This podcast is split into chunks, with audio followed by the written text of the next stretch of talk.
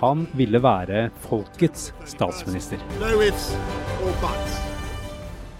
Han sa han skulle ordne brexit, og lovte britene en lysere fremtid. To take decisions, to give strong leadership, and to change this country. And I hope you agree that that is the right thing uh, for our country. Men planen til Boris Johnson den gikk ikke helt som den skulle. For eh, nå mener seks av ti briter at han gjør en dårlig jobb, og han har fått to sterke konkurrenter. Hvem er de, og hva må Johnson gjøre for å riste dem av seg? Dette er forklart fra Aftenposten. Mitt navn er Andreas Bakke Foss, og i dag er det fredag 16. oktober. Da Boris Johnson sto midt i en mediestorm for eh, to år siden, så gjorde han et berømt PR-stunt. Danmark de hadde innført et burkaforbud, og Johnson skrev et innlegg om det. Han eh, støttet ikke forbudet, men eh, syntes burka så latterlig ut, og mente de som gikk med det, så ut som postkasser og bankranere. Det var ikke særlig populært. Well, there's been a pretty sharp reaction to the Johnson column. The language that he uses was, has attracted such criticism. that the Conservatives are setting up a panel to investigate these complaints. Og i dagene etterpå så campet journalister med kameraer og mikrofoner utenfor huset hans. Etter en dag med venting, så kom han ut. Med håret til alle kanter i en slitt bomullsgenser og en shorts med store blomster på. I armene så har han et brett med tekopper i alle slags farger og fasonger. Han eh, nekter å svare på spørsmål, og sier han bare vil gi litt te til de stakkars campende journalistene. Sånn bygget han seg opp til et image som en helt vanlig fyr. Og året etter så ble han statsminister. Hans første og viktigste prosjekt var å ta Storbritannia ut av EU. Øyvind Brattberg er førstelektor i statsvitenskap og ekspert på britisk politikk. Å sette et punktum for den, den eh, brexit-prosessen som hadde vart så lenge og voldt så mye elendighet, følte mange. Og det var en vinnersak for ham å si at jeg er den som skal ta Storbritannia ut av EU, få avsluttet denne, dette mellomlivet som vi står i, og etablere en lys framtid utenfor Den europeiske union. And we will get Brexit done on time by the 31st of January. No ifs, no buts, no maybes. I et stikkord så er handlekraft det som oppsummerte Boris Johnson som, som fersk statsminister. En eh, leder som evnet å snakke direkte til folk, og som var en ekspert på punchlines, kunne skape begeistring hos folk, og insisterte på at han var mannen som kunne fornye landet. Johnson han ville jo være folkets statsminister og en handlingens mann, som du sier. Nå er han jo blant de minst populære i sin egen regjering. Kan du oppsummere kort for oss? Hva, hva skjedde? Det har vært en kolossalt turbulent eh, periode, og veldig mye av det kan eh, knyttes til eh, koronatiden. Så han og korona har ikke vært så god match? Det har ikke vært noen god match. Man kan tenke at handlekraft alltid er en god ting for en politisk leder. Men hvis det å være handlekraftig forbindes med litt for lettvinte løsninger, litt for raske punchlines istedenfor å lytte til både folkemening og fagkunnskap, så kan handlekraften bli et handikap. Og litt slik har det blitt for, for Boris Johnson, fordi han tilsynelatende har vært mer opptatt av å gi raske svar og store overskrifter enn å faktisk få kontroll over den kompliserte situasjonen som korona har gitt. Kan man si da at det i hovedsak eh, er korona sin skyld at det går dårlig med Johnson? I hovedsak korona sin skyld, tror jeg man kan si. Jeg tror at Boris Johnson ville fått vanskeligheter uansett, rett og slett fordi rollen som statsminister krever en enorm innsikt i detaljer, en, en evne til løpende å oppdatere seg, en evne til å, til å holde politiske kontakter varme i alle retninger. Det er en type lederskap som ikke eh, går hånd i hånd med den måten å drive slagordspolitikk og litt sånn lettsindig kommunikasjon som han levde lenge med eh, på vei inn i statsministerrollen. I den rollen så kreves mye mer. Og her har Boris Johnson noen han mangler noe bestikk i skuffen, vil jeg mene. Som ikke bare handler om eh, koronasituasjonen, men om noe allment om det å være statsminister. Og Johnson han kommer fra det konservative partiet, også kalt Tories. Det er litt som Høyre i Norge. Men ettersom populariteten hans har gått stadig nedover de siste månedene, så har flere velgere begynt å se til det andre store partiet. Nemlig Labour, som er litt som Arbeiderpartiet i Norge. Du fikk det kanskje ikke med deg midt i alt koronastyret i starten av april, men Labour de har fått en ny og ikke minst populær leder. The question today is whether the restrictions announced by the Prime Minister can bring the country back from the brink. Keir Starmer, hva slags figur er det? Keir Starmer er en uh, høyreist, vannkjemmet, seriøs politiker. Framfor alt seriøsitet og, og, det å være kompetent er blant de egenskapene som springer en i øynene når man uh, ser ham.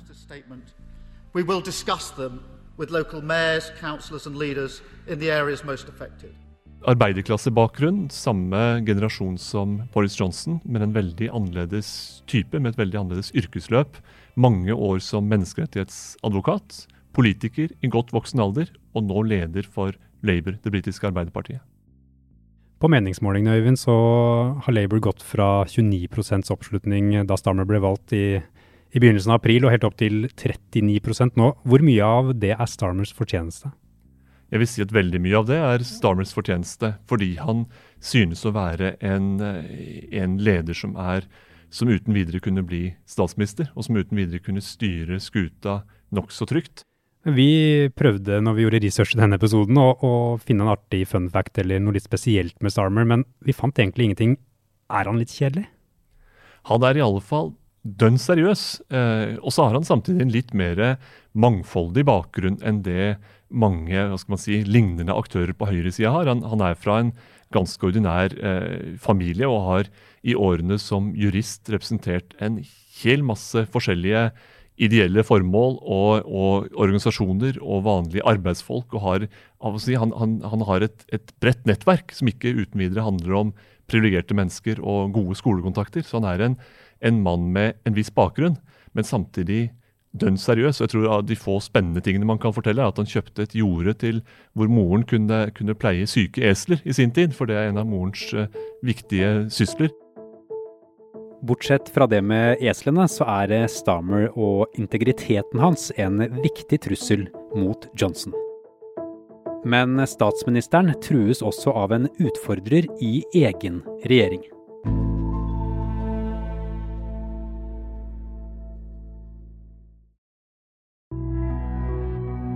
Boris Johnsons andre trussel kommer fra hans egen regjering. And I know people are frustrated at the prospect of further restrictions, but I want to reassure you that we have a comprehensive plan Rishi Sunak er nemlig finansministeren i Storbritannia. Ung, vellykket, entusiastisk, veldig energisk. Han går som regel i tettsittende dress, har et stort smil og litt store ører. Og nå er han regjeringens mest populære medlem. Og et symbol på det yngre, dynamiske, flerkulturelle Storbritannia som står veldig fjernt fra privilegerte, voksne hvite menn. Han er også gift med datteren til en av Indias rikeste menn? Det er han, så han har en, en stor Han har tilgang til en betydelig familieformue og har også selv jobbet med, med store penger. Samtidig som han i den politiske rollen ikke fremstår som noen eliteperson som uh, menger seg i privatkapital. Han fremstår mer som en, en, folkets tjener. Og her i koronatiden en folkets tjener med stor forståelse for de behov og den sosiale nød som har oppstått, og med en voldsom eh, energi på folkets vegne. Ja, for Han er jo en styrtrik finansmann, om vi tar på oss litt tabloide briller. Men allikevel så blir han oppfattet som folkelig. Hvordan klarer han det? Det er noe med, eh, med, ungdommeligheten og noe med det uformelle ved ham. Og noe med evnen til å snakke eh, direkte og uformelt og med, med folk flest. Eh, og det er jo egenskaper som mange i hans konservative parti har, har etterspurt. Også egenskaper som gjør at han, han virker som en veldig annerledes type enn eh, Boris Johnson. En, en som kan forene dette ønsket om kompetanse med, med, folkelighet, og som plutselig virker å være både mer oppdatert og nærmere folk flest enn statsministeren selv. Now, Scotland is one of our powerhouse brands when it comes to UK tourism, so we want to see how some of our initiatives are helping businesses over on the island. Sunak kom inn i regjeringen i februar og tok plassen til en finansminister som hadde blitt litt for populær etter Johnsons mening. Derfor så trodde man at Sunak skulle være Johnsons mann, og stort sett gjøre som statsministeren ba om. Men i praksis så har han jo for lengst etablert sin egen posisjon, en posisjon som på mange områder har, har overgått Johnson. Han har kommet med en masse planer eh, som situasjonen jo krever. Planer om å, å kompensere for koronakrisens økonomiske elendighet. Og i den rollen så har han opptrådt veldig uavhengig, veldig selvstendig fra det Boris Johnson selv har diktert. Han har jo også hatt en rolle da som finansminister som også har gjort han synlig i denne koronakrisetiden også? Veldig synlig og, og veldig populær eh, i opinionsmålinger. Den mest populære finansministeren siden 70-tallet. Og så er det klart at denne perioden har også vært egnet for ham, slik den har vært egnet for Keir Starmer. Fordi det å være kompetent og, og eh, energisk og samtidig strø om seg med penger, det er jo en kilde til popularitet. Så vil det komme vanskeligere tider seinere. Det tror jeg alle regner med. Boris Johnson får jo ganske lave score på denne popularitetsrankingen. Og, og Sunak han er også bokmakernes favoritt til å bli den nye lederen i det konservative partiet. Hva skal til for at han skal kunne bli det?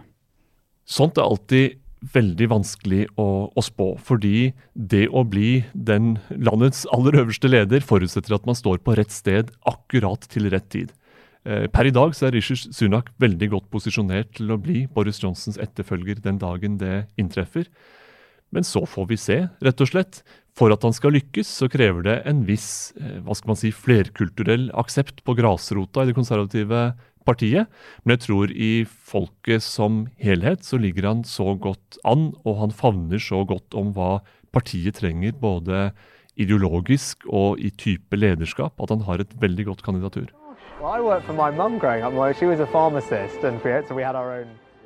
Og nå er jo valget først om fire år. Men i dag så ligger Labour-leder Starmer øverst på listen over favoritter til å bli statsminister. Rishi Sunak han ligger på andreplass. Og ifølge Øyvind så er det særlig én ting som kan få Johnson lenger opp på den lista. Jeg tror Boris Johnson trenger å, å sette punktum for koronatiden.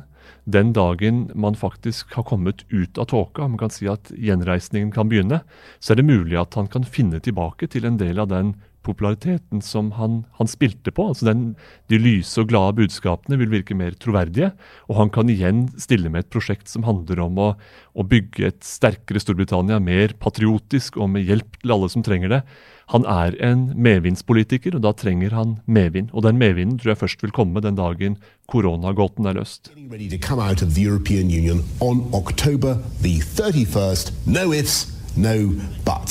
To get Brexit done and We will honour that mandate by January the 31st. On October the 31st. By January the 31st. Dette store temaet brexit er jo heller ikke løst. Har det noe å si her, eller eh, er det noe som allerede er glemt? Brexit har havnet i bakgrunnen for veldig mye i dette året, og framfor alt i bakgrunnen for koronasituasjonen. Nå skulle jo forhandlingene bringes til mål med EU, slik at uh, utmeldinga trer i kraft fra, fra, nyttår. Den utmeldingen får vi, men hvorvidt vi får en god avtale mellom Storbritannia og EU, eller en avtale i det hele tatt før den tid, har fortsatt å, å på et vis være helt i det blå. Eh, og hvis det lykkes, så vil det være en fjær i hatten for Boris Johnson. På den annen side så var det en fjær i hatten som mange for lengst hadde regnet med var, skulle være der. Slik at det er begrenset hvor mye gevinst han kan ta ut fra det, tror jeg. Ja, for nå er jo ikke dette valget før 2024. Men hvis du skulle begi deg ut på den vanskelige øvelsen sannsynlighetsberegning, da, hvor sannsynlig er det at det blir Boris Johnson som leder de konservative i den neste valgkampen frem mot 2024? Fire år er så lang tid i politikken, og så mye kan skje før den tid at jeg vil ikke våge meg på noen, noen slik spådom. Det som er sikkert, er at Sunak er et, eh, et valg som gir et stort sprang til en ny generasjon, til en ny type velgere, til en ny måte å øve politisk lederskap på. Slik at hvis Det konservative partiet ønsker en mer moderne eh, form, tidstilpasset form på partiet før neste valg, så ville han være en, en eh, klok mann å sikte på.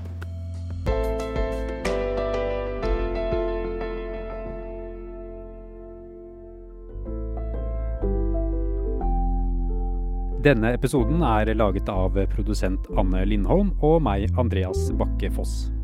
Resten av Forklart er Fride Næssen Onsdag, Marit Eriksdatter Gjelland og Karoline Fossland. I denne episoden har du hørt lyd fra BBC, Sky News, nyhetsbyrået AP, Facebook-kontoen til Sunak Johnson og Starmer og YouTube-kontoen til Downing Street.